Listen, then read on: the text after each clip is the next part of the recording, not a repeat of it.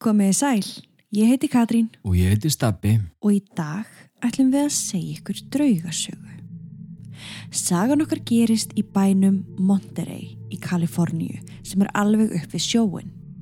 Í dag búa þar rúmlega 28.000 manns og er bærin þekktur fyrir stórglæsilegar gjafavöruverslanir og gyrnilega sjávarétta veitingastadi. Monterey er talin vera besti staðurinn til þess að búa á í Kaliforníu en það virkilega örugu staður til þess að vera á með grunnskóla í hæsta gæðaflokki fyrir barnafólk. En á horninu á Hartnell Street innan um tríin setur gamalt hús og þar hefur það verið í 188 ár. Eigendur hafa komið og farið og árið 1950 var opnaður veitingastæður í húsinu sem var svo vinsæl að allar helstu stjörnunar í Hollywood gerði sér ferð á staðin oftar en einu sinni. Húsi stóðu síðan tómt í fjögur ár eða frá árunni 2017 þar til núna í oktober 2021 þegar nýjir eigendur tóku við. Þeðgininn Sara og Pítur Orr og þeirra hugssjón var að opna veitingastað sem þau gerðu fyrir aðeins nokkrum vikum síðan og hann verið skanga vel. En þetta hljómar allt saman rosalega vel. Það er ekkit ókvænlegt við hús sem hefur gengið mann á milli og er í dag fyrstaflokks veitingastæður. Eða hvað? Hvað segja fyrirverandi eigendur? Og af hverju var húsið á sölu í fjögur ár? Hver er maðurinn í frakkanum sem gengur þungum skrefum um gólfin, reyður og hrindir fólki sem verður í vegi fyrir honum?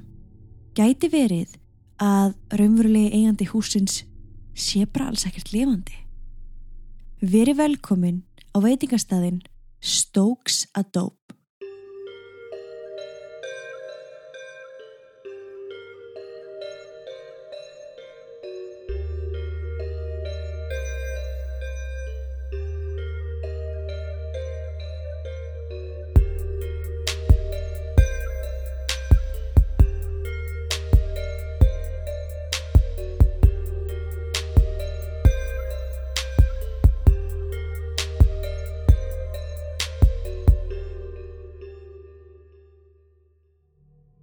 Við viljum minna á að draugasögurnar okkar eru ekki við hæfi barna yngri en 13 ára nema með leifi fullorna. Og með því hefjum við sögu dagsins. Sagan okkar hefst árið 1833 þegar Kalifornia var partur af Mexiko. Bærin Monterey var stopnaður árið 1770 svo þarna bjó fólk á þessum tíma, vann sína vinnu og lifði sínu lífi. Þar á meðal var maður að nafni Ambrose Tomlinson. Lífið hafði farið vel með hann og á miðjum aldri var hann orðin mjög ríkur og virtur maður í samfélaginu. Hann ákveður þá að byggja sér hús til þess að sína hversu ríkur hann var og fekk hann tvo menn í verkið, þá Hodge og Benjamin Day. Þeir byggðu fyrir hann húsi sem við þekkjum í dag sem Stokes Adobe en á þessum tíma var þetta aðeins eitt rými. Það var jú vissulega fallegt en þótti samt eiginlega heldur tilgerðalegt Mm. og það fór einhvern veginn ekki fram hjá neinum að Ambrose hafði engungu byggt heimilið til þess að sína sig fyrir öðrum. Ok, ég skil. Þannig að það var bara, í dag er húsið á tveimur hæðum og þetta er bara virkilega flott hús en Það var það ekki fyrst. Nei, það var bara, í rauninni bara eitt rými Já, og þar staflaði hann bara saman, veist, öllum fínu húsgögnunum sínum, mhm, öllu því fína sem hann átti, ok. bara svo fólk gæti séð Já, hversu bara, vel hann hafði það. ok. En svo gerist það fjórum árum síðar að peningastæða Ambrose breytist verulega svo hann hafði ekki lengur efni á að búa í húsinu sem hann létt byggja.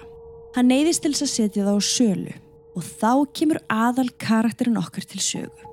Herra James Stokes. Hann kaupir húsið og flytur inn í það einn. James Stokes var upprunnilega frá Bretlandi og hann átti heldur betur litrika fortíð. Sagan segir að árið 1837 hafi James hoppað upp í bát og silt til Ameríku. Með sér tók hann stóra skjalatösku fulla af livjum og sagðan öllum sem með honum voru á bátnum að hann var í læknir. Ó, Þegar til Ameríku var komið, opnaði hann litla læknastofu og krafðist þess að vera kallaður Dr. Stokes. En hann var ekki læknir og hafði ekki hundsvit á livjum eða læknisfræði yfir höfuð. Ok. En það leiði ekki á löngu þar til Dr. Stokes var orðin vinstalisti læknirinn á horninu, ef við getum kallað það svo. Mm. Og almenni borgarar borguðu háar fjárhæðir til þess að hitta. Við verðum að gera okkur grein fyrir því að á þessum tíma voru alls konar veikindi að ganga á milli manna eins og kólera sem er sýking í meldingafærum, yellow fever sem að lísti sem er hita, höfuverk, uppkustum á samt ýmsum öðrum ógvanlegum sjúkdómum. Og þó að við hræðumst þessa sjúkdóma ekki í dag, þá voru þeir virkilega bannvanir á þessum tíma og fólk var ráðþróta. Akkurat og Dr. Stokes hann tók á móti sem sjúklingum og gaf þeim alls konar lif sem hann lofaði þeim að myndu virka. En það kemur kannski ekki óvart að hann læknaði heldur fáa og margir sjúklingar hans dóu sem þeir hefði ekkert endilega gert ef þeir hefðu hitt alvöru lækni til þess að byrja með. Nei, akkurat. En akkur var það svona vinsall? Ég held einmitt að það sé bara út af því að það var svo ótrúlega mikið af sjúkdómum í gangi eins og þú varst að segja Já. og hann var bara svolítið eins og ég segi læknirinn á hotninu. Já, hann var bara svona tiltækur. Já, Stórt svæði, Já. margir íbúar. já og það, Ok. þú veist það var erfitt að fá læknis aðstóð þannig að þetta er kannski einu sinni það að hann hafi verið vinsæl, hann var bara sá eini Já. þarna. Ég skil. En einhverjir sjúklingar virtust lifa af og út af því að það var engin að spánitt sérstaklega í öllu fólkinu sem hann hafði raun og verið drepið, Mm veist, enginn setti spurningamarki við öll þessi döðsföll, þannig á endanum þá var hann orðin ríkur og hafði þó efni á að kaupa húsið í Montrey af Ambrose. -hmm. Venjulegu maður í þessum sporum myndi eflaust stoppa núna. Þú veist, Mm. hann er komin til Ameríku, Já, búin að þykjast vera læknir, búin að eignast fullt af peningum og búin að kaupa sér hús en Herra Stokes var langt frá því að hætta. Hann giftist konu sem hafði sjálf áður verið gift manni sem hafði verið sjúklingur hjá Stokes. Mhm. ok. En eins og svo margir aðrir þá hafði hann alltaf látist Mm. svo hún var þarna orðin ekki þangað til Stokes byrður hann um að giftast sér Já, já. þessi kona hétt Jósefa og saman eignast þau tvö börn Árið 1844 var alveg á hreinu að húsi var of lítið fyrir fjölskylduna svo stók bætir við hæð fyrir ofan og býr til sjö svefnherbyggi. mm. Þessar framkvæmdir voru ekki ódýrar en Stokes vildi aðeins það besta fyrir sig og sína. Stokes var með læknastofuna sína í húsinu eins og týðkaðist í þá daga og í september árið 1835 leitar til hans ríkistjóri í Alta í Kaliforníu. Sá maður hétt Jose Figueroa og hann var mjög veikur. Hann var þreyttur og máttlaus og átti erfitt með að sinna starfi sínu. Dr. Stokes tók hann að sér og gaf hann um alls konar lif en auðvitað vissi hann ekkert hvað hann var að gera og endaði þetta á því að Jose Figueroa dó. en það verðist samt ekki skemma mannur Stokes og honum var ekki refsað á nokkun hátt fyrir döðsfall ríkistjórans og ég er alveg búin að lesa mig til um hennar ríkistjóra Já, og svolítið bara svona hvað hann var að gera á sinni æfi og annars líkt og líka þegar hann veikist og aldrei nokkuð tíma minnst á læknin. nei, Nei. en svo hins vegar eru fréttir og annars líkt sem segja þegar þetta náttúrulega komst allt upp og Já. endanum að, Hann hafi verið sjúklingur í hans umsjá. já, Já. en hann heldur áfram sínu striki og eignast 12 önnu börn með eiginkonu sinni. Wow. Á einhverjum tíðanpunkti verður stók síðan að mayor eða borgarstjóra Hættu nú alveg. Neip, og á þeim tíma held hann margar glæsilegar veislur í húsinu fyrir yfirsetta fólk. Þetta var mjög góður tími fyrir stóks Já, ég trúi því. en það endist þó stutt. Árið 1855 deyr Jósefa inn á heimilinu aðeins 39 ára að aldri. Nokkrum árum síðar druknar svo elsti sonur þeirra, aðeins 21 árs. Síðan gerist það kvöld eitt, þann 27. september 1864, að James Stokes fyrir að láta förðulega. Hann var greinilega mjög drukkin og honum er líst á þann hátt að hann hagaði sér eins og hann var að missa vitið. Í þessu ástandi ætlar hann svo að yfirgefa heimilið en sinir hans tveir, Manuel og Domingo, stoppan til bannunum að fara út. Það kom svo í ljós setna meir að Stók var búin að haga sér á þennan hátt í tvo daga og börnin vissu ekkert almennilega hvernig þau áttu að bregðast við en þau vissu að hann var mjög hættulegur sjálfum sér og öðrum og hefðu krakkarnir skifst á að fylgjast með föður sínum í óta um að hann myndi fremja sjálfsmorð á einhverjum tímapunkti.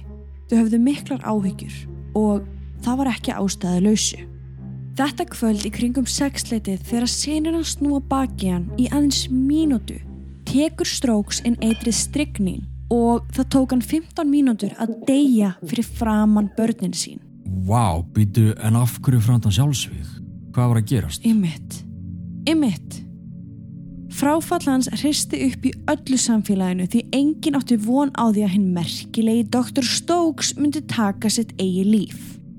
Nokkrum árum setna seldu krakkarnir hans húsið til bakara sem breytti neðri hæðinni í bakari og bjóð svo sjálfur á efri hæðinni. Á eftir honum komu nokkur eigendur sem allir gerðu sitt. Fyrstu dagblöð Kaliforníu voru prentuð á neðri hæð húsins og á einhverjum tímapunkti voru þarna skrifstofur. Síðan var húsinu aftur breytt í heimili en síðasta manneskjan sem þarna bjó var árið 1890, kona sem hétt Hattie Gregg. Hattie Gregg, hún var ótrúlega hreskona mm -hmm. sem átti marga vini og hún hafði mikla unun af því að halda visslur og parti. Okay. Og hún bjó í húsinu alveg þanga til hún lést árið 1948. Ah, bara skömmu ára en það var veitingastæð? Já, af því að tveimur árum eftir að hún lést var húsi keift og því var breytt í veitingastæðin Galatins. Ok. Staðurinn varð mjög vinsæl árið 1950 og var klárlega aðal staðurinn til þess að borða. Margir frægir heldur veislur á staðnum eins og Frank Sinatra, Dean Martin og Bob Hope. Árið 2008 var staðurinn svo settur á sölu og honum var líst svona í auglýsingunni. Mhm. Barinn bæði uppi og niðri er úr gegn heilri eig. Matsalurinn er opinn og bjartur með glukkum. Vinkjallari. Parkettið er litað af sögu staðarins þar sem fólk hefur gengið um á háum hælum í áratugju. Það er ekki svolítið gott? Jú, það er gott. Stokes Adobe býði velkominn og er virkilega huggulegur staður. Ah, já, það eru gláð margi sem hefur keift þetta þarna. Mm. Árið 2011 var annar veitingastæður opnaður sem var kallaður Restaurant 1833 því Mm. þá var náttúrulega húsi byggt. Byggt. Árið 2017 var það selt Konstans Laup fyrirverandi eiganda Konstans Vínbarsins og þegar hann tekur við staðnum segir hann orðrétt en þó þýtt á íslensku Já, Ég vil að andrumsloftið á staðnum verði meira eins og þegar að Sinatra var gestur hér og aðeins minna eins og draugahús. ó, Og það er skondi að hann segi það vegna þess að þarna var ekkert búið að tala ofinberlega um að inn í húsinu bæri draugagangur. mæ, ok. Þáttur vikunar er í bóði sassy.is, verslun sem selur hágeða aðhalds og mótunarfatnað fyrir öll kyn. Verslunin er þekkt fyrir að bjóða upp á þægilegustu leggingsbuksutnar á markanum í dag á samt gullfallegum undirfötum og aðgerðafatnaði í hæsta gæðaflokki. Ef þú ert eins og ég og átt erfitt með að klæðast stífum gallabuksum daginn út og inn, þá mæli ég með að þú skoðir úrvalið sem hún býður upp á. Anita sem er eigandi verslunarinnar eignaðist þrjú börn á þremur árum og hún brennur fyrir það að aðstofa konur að líða sem best með sjálfan sig í fallegum fatnaði sem stiður við þig á öllum réttum stöðum. Hlustendur okkar fá 15% afslátt með kóðanum draugasögur inn á netversluninni sassy.is.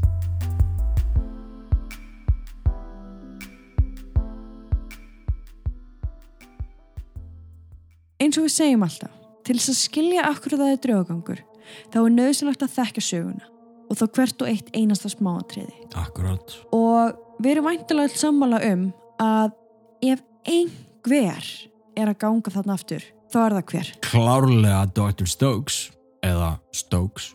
Emmett, hann var svekarappur í lífinu og virtist aldrei þurfa að gjalda fyrir það sem hann gerði fólki. Mm Allavega ekki á meðan hann var á lífi, síðan fremur hann sjálfsvíg á þennan furðulega hátt eftir að hafa látið undarlega í nokkra daga.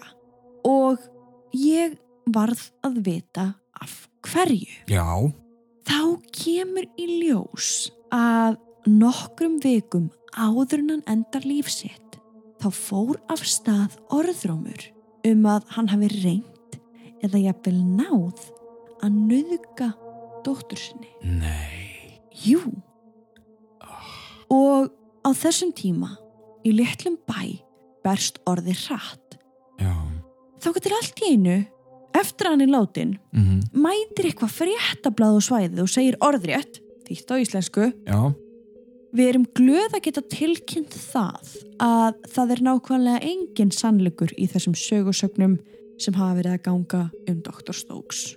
ha, Ha, ok, ok, segjum að þetta bara í blöðunum. einmitt, og það held áfram að þau væru sko búin að tala við einhvern mjög ábyrkan aðila Já, nákominn. og, og hann staðfesti þessi aðilega að það var ekkert að marka. Og þetta er allt saman eftir að hann er látin. Já, og fer, nei, það er ekki hægt að segja bara svona. Nei, Þú nei. veist ekki báðar hliðar. Akkurat. Þetta er ekki hægt. En blaði heldur áfram að segja að Dr. Stokes hafi heldur ekki verið alkoholisti og hafi sko aldeilis ekki tekið lífsitt döðadrukkin.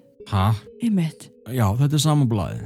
Sanns að það er ekkert að marka þetta blað. Nei, Bara blaðamannin ég bara brendið. blaðið, þetta er bara ekki gott. Nei.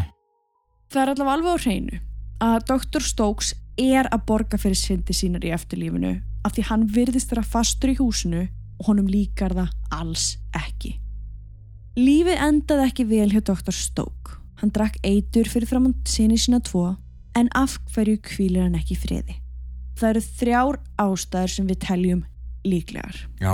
Númer eitt. Mm Hann gæti hafa gert það af því að, jú, hann reyndi að ráðast á dóttur sína eða þá að hann var hanglega sakaður.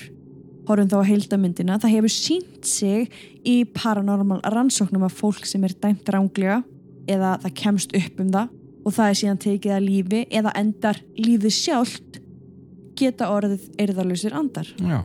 Og ennþá frekar ef að mikilvægt mannorð er svert í leiðinni eins og einmitt ávið í þessari sögu. Akkurat. Og númið tvö, annað sem á hér við líka, er að þegar að fólk lendur í áfalli, eins og í þessari sögu, þá mistir hann tvo ástvinni með stuttu millibili, eiginkonu sína og svo svon sinn. Þá eru dæmi um að fólk sökvi ofan í djúft tunglindi og taki þess vegna lífsett. Því meður. Það eru margar sögur á loftum af hverju hann gerði það sem hann gerði og einn þeirra hljómar þannig að mögulega hafi James Stokes kent sjálfum sér um dauða konu sinnar. Hún og öll fjölskyldan var náttúrulega þeirri trú um að hann var í læknir Jú, jú. svo Jósefa hefur ekkit endilega fundið að hjá sér að leita eitthvað annað þar sem hún treysti eigimanni sínum. Á sjálfsögðu. Og hann hef alltaf að fara að segja, herðu, við skulum tala um annar lækni. Akkurat. Mögulega kæfti hann svo frá við sinni sína eftir að hún var látin að hann væri alls ekkert læknir og þannig hafa börnin hans komist að öllu sem pappi er að var búin að vera að gera í áratíi. Mm Kanski sá hann sárlega eftir því sem hann gerði þegar að hann raunverulega finni fyrir því sjálfur hvernig er að missa einhvern. Akkurat, eftir allir þessi ár.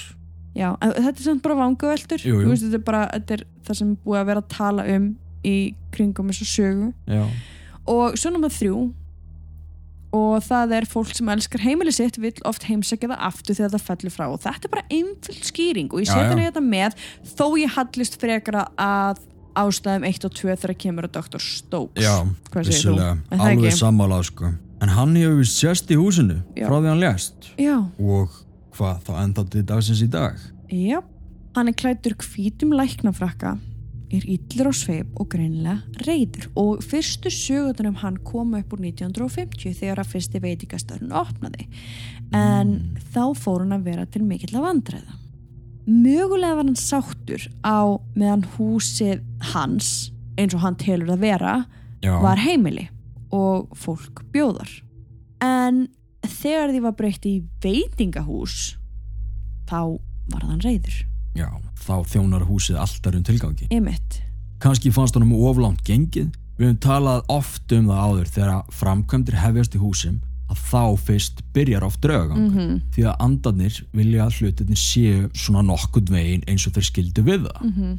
Og þá erum við að tala um heimilið þeirra. Akkurat. Þetta sem sagt byrjaði þannig að þjónarnir sem störfið á veitingahúsinu Mhm. voru að lendi því að vera hreint. Það er ekki fallegt. Bara líkamlegt. Úff, Fyrst var þetta bara eitt starfsmæður og því auðvelt að kenna einhverju öðru um. Hann lítur að hafa mistigið sig, reykið sig í. Mhm. en síðan gerist þetta fyrir annan starfsmann og svo þriðja. Og þegar þeir voru orðin svona margir einstaklingar að lenda í nákvæmlega því sama þá er erfitt að þræta fyrir það. Já, vissulega. Sumir lendi þessu niðri og aðrir uppi. Og þessu fólki var bókstaflega hrind. Sumir duttu á gólfið, aðrir lendu á veggjum en öll áttu þið það sameigilegt að finna fyrir einhverjum íta sér. Bara virkilega. alveg, já, þú fórst alveg svolítið all til þess að gera það. Akkurat. Einhverjum vikum setna fóru að heyrast hljóð sem áttu sér enga eðlilega útskýringu og þá aðalega fótatak.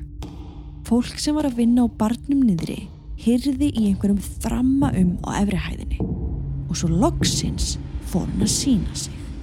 Árin liðu, næsti veitingastæður kom Mhm. og svo kom annar og læknirinn held áfram að þramma um gólfin. Starfsmenn sá hann ganga í gegnum veggi og það var alltaf eins og hann væri mjög reyður. Hann virtist heldur ekkert fyrir að gefa lifandi fólki gaum á meðan hann gekk um húsið, meira eins og hann væri í sínum eigin heimi að rífastu sjálfan sig eða einhvern annan sem ekki sást. Mögulega er hann ekki ánað með allt þetta fólk sem er hann á heimilinu hans eða þá að hann sé að reyna að segja fólkinu til þá hvernig þá að vinna sína vinnu. Mm. Og ástæðan fyrir því að ég segi þetta kannski bara svona casual þau hafa allt í henni byrjað að sjá hann þau máli er að þau áttu þessu strax á því hver þetta var af því Já, saga er húsins er fólk veit hana Já, já, og ég meina húsið er náttúrulega nefnt í höfuð hans já, já, vissulega. Þannig að það vita allir húsið er er. hans. já, húsið er Mm. hans og fólk já tala virkilega um það hvað hann er alltaf að ganga í gegnum veggi Mjög skrítið samt að það er eins og hann sé ekkit að gefa neinum öðrum gaum. já, mér fannst það líka skrítið Já. því ég hugsa að ef þú ert reyður og þú ert að hrinda einhverjum Mm en svo einhvern veginn ertu ekkert að Já. gefa neitt fyrir það Þá er spurning sko, ertu að hrinda þeim eða ertu bara svona að lappa bara þína leið? Og allt í einu er bara lifandi fólk fyrir þér. Það geti verið. Undarlegt. Hann er allavega rosalega reyður og, Hann er reyður, já, ok. og þetta er alveg svona óþægilegt í kringum hann. Já, en svo er það annar andi sem sést hefur til og það er eiginkona Mr. Stokes. Hún Jósefa sem lést 39 ára gömul inn í húsinu. En ólíkt eigimannu sínum þá er hún ekki reið og verðist njóta gamla heimili síns þrátt fyrir gestagang. Hún sést aðlega í eldri hlutabyggingarinnar og á efri hæðinni í setustofunni. Bæði gestir og starfsfólk hefur séð til hennar og það virðist vera, eins og með Dr. Stokes, Mm að hún sjálf taki ekki eftir neinu. Nú, Bara, hún er bara að gera sitt. ok Inn í þessu sama herbyrgi hefur heyrst í hvernmanns röddum og það er ekki alltaf sama röddin heldur nokkrar eins og tvær eða þrjár konur sé að tala saman. Þá dætur hennar eða Kanski. En Jósefa hafði líka gaman að því að halda veislur, partí þegar hún voru á lífi, hver veit nefnum hún sé ennþá að því eftir lífinu. Alveg rétt Ég veit það ekki. Já, Það hefur líka heyrst barnskrátur, samt ég, ég hef engar uh, upplýsingur um Mm. að neitt barn hafi látist þarna. Nei, en hann var náttúrulega læknir þannig að það eru óksla Ah, mikið af fólki sem að fóra þarna í gegn Já. Já, Og þessi grátur heyrist oftast á kvöldin þegar starfsfólk er að ganga frá mm. en þegar það kíkir upp á aðra hæð þá er engan að finna. Og að lokum þá heyrist í glösum detta og brotna og þau eru umverulega að gera það. Gestir koma ofta að dreiknum sínum á gólfinu eftir að kannski bara rétt stökka klósettið en samt er enginn í setustofunni og glasi var á borðinu. Og sömulegis, ég veit ekki, ef fólk myndi reka sig í glas mm. þá myndi það eflust allavega svona flestir beigja sig neður og taka glasið Já, upp og setja það aftur stað. afsakið. En ekki þarna. Örgulega þessi reyði læknir hérna sem er ekki læknir. Já, ég veit það, kannski hann. Kannski hún, kannski er hún að reyna að taka upp glasið. Já, já, hver veit en svo er það síðast eðandinn á svæðinu. Og það er hún Hattie. Hver var það áttur? hún var síðasta manneskan sem bjóðatna frá 1890 til Já. 1948 Áður en það var veitingastæð já, hressakonan. Mm. og það er einmitt svo fyndi að við fáum ekki droslega mikið að vitum hana meðan hún er lífandi en við fáum fullt að vitum hana þegar hún er látin. Ó, kannski það markmið hennar. Mögulega, það er ekki tekið fram allavega hvort að Hatti hafi dáið inn í húsinu eða ekki en mér finnst það ekkit endilega ólíklegt sko. Nei, nei. Af þeim þremur Dr. Stoke og Jósefa þá er Hattie í raun og veru með mestu lætin. Nú, Það virðist vera að hún sé ennþá í húsinu einfallega vegna þess að hún elskaði það og eins og Jósefa þá hafði hún gaman að visslum og því ekkert á móti mannganginum á núna veitingastæðanum. ok. Hún sést oftast hjá barnum, bæði uppi og niðri. Hún áður til að fykta í ljósunum þar, þá kveiki á þeim eða slökka. Allt eftir hennar hendusemi. Hún getur líka látið þau blikka, en engin rafmyrki verist hafa svör við því hvernig hún gera það. Já, þetta hefur maður heyrt. Já, þetta er hún líklega að reyna að gera til að láta taka eftir sér. Já, Vill starfsfólk allavega að meina. já, já. Hún spila líka á píanóið, lætur klingja í vinglösunum sem hanga á barnum og þegar hún er í miklu stöði þá kallar hún á starfsfólkið og þá með nafni. Þau hafa oftar en ekki lenti því að vera að vinna inn í eldúsi en heyrt svo í einhverjum kalla á sig frá barnum. En þegar þangað er komin þá er engin. Bara stríðnisbúki. Já, starfsfólk eru orðið sammála því að þetta sé hatti að kalla á þau að því hver annar getur það verið á tómu veitingasta? Einmitt. Hún er auðvitað svo sem að hendi niður glöðsum. Gæti nefnilega verið. Já, að því að Hatti virðist líka vera pyrruð endrum og eins. eins og við öll. Hún setur salat í vinglösin hjá viðskiptuvinunum. Ég gæti ekki einu sinni verið að skálda þetta. Ah, salat í vinglöðsum. Já, fólk er að uppgöta salat í vinglösunum sínum. Vá, hvað ég myndi gera þetta líka. Um bara eitthvað svona algjörlega random, Alveg bara. eitthvað svona rugg. Hún þrammar um efri hæðina með tilærandi látum og skellir hurðum. Margir segja að stundum eru þau ekkert vissum hvort um sig að ræða Hatti eða Dr. Stoke þegar hurðarna fara að skellast. Næ, svolítið er auðvitað að segja til um það. -hmm. En þetta þríeiki, Hatti, Dr. Stoke og Jósefa taka gríðalegt pláss á veitingastanum. Þannig á endanum þá krafðist starfsfólk að eitthvað yrði gert því það taldi sig ekki geta unnið á þessum stað vegna draugagangs. Ó, Mm hvað ætlaði það að gera? Þá var tekið upp á svo kallu buddy systemi eða vinakerfi þannig að á kvöld og næturvöktum þá er starfsfólk parað saman. Tvö og tvö saman, enginn þarf að fara neitt einn aldrei. Ég skil, ok, þannig bara svona til þess að hughrjasta fólk, bara um að sé tveir frekar en einn. Já, og maður skilur það alveg, Já, sko, já. þú veist. Auðvitað. En þetta þarf að vera orðið svolítið brútal til þess að starfsfólki eitt bara heimti fund og bara allir sammóla um það að þetta sé komið gott. Já, og þetta bara tekið í reglur bara. Já, Já. Vá. en samt bara, ég segi bara því maður hefur náttúrulega talað um þessar reisastóru spítal og þessar reisastóru stofnunir sem eru oft kannski margir, margir draugar. Mm Þannig eru bara þrýr en þeir eru með ótrúlega læti Já, já, og greinlega fá heimsóknir já. Þessar allir sem eru að heyrast Þetta er ótrúlegt. Mhm. Og líka bara að það séu svona kröftir sér andar á svona litlum stað. mm En svo veit maður ekki, kannski eru miklu fleiri draugar að í gangi. alveg öruglega Núna eru nýjir eigendur tekni við og ég sá viðtal sem var tekið við á fyrir skömmu Ok. og það kom mér á óvart að það væri ekkert minnst á drauga aðalega, þú veist það var aðalega verið að tala um bara hvernig matu ætlaði að bjóða upp á og hvað verð er það á koktelum hjá þeim Mm, ok. en svo skrollaði ég neðist, neðist, neðist í greinina og þá sá ég bara svona lítinn dálk þar sem þau voru spurð út í draugagangin Mm. eigandinn á undan þeim sem var nefnilega spurður hann sagðist hafa heyrt að draugaganginum frá starfsfólkinu sínu einmitt, þú veist, body system Já, já, og allt já. þetta, ég meina, hann hefði heyrt en hann sagði bara, ég, ég hef aldrei lent neinu sjálfur Ok. ok, Já, já.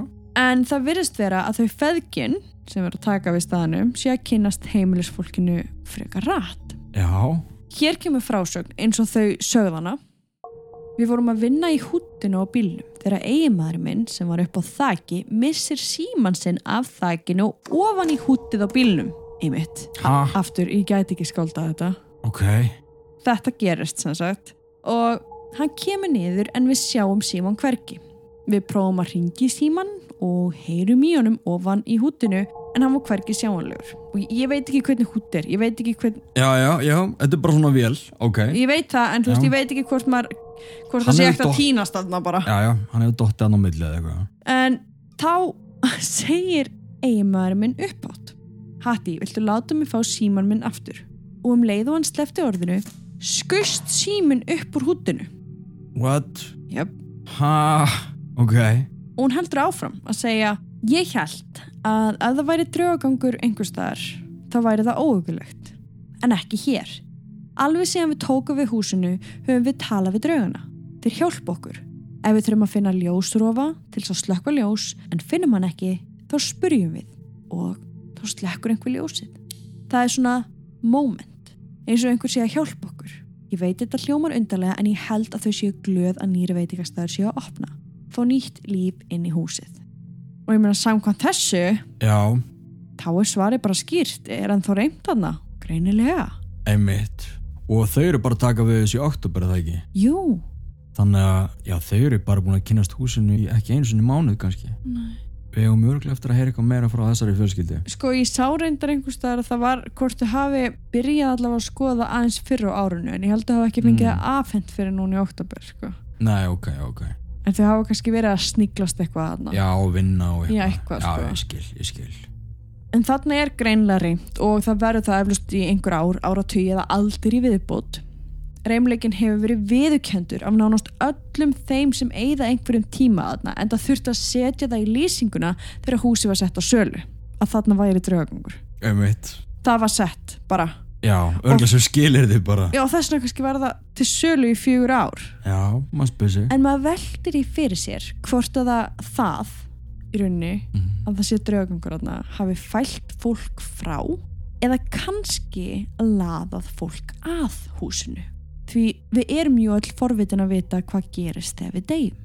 Og mögulega er einhver svör að fá þarna.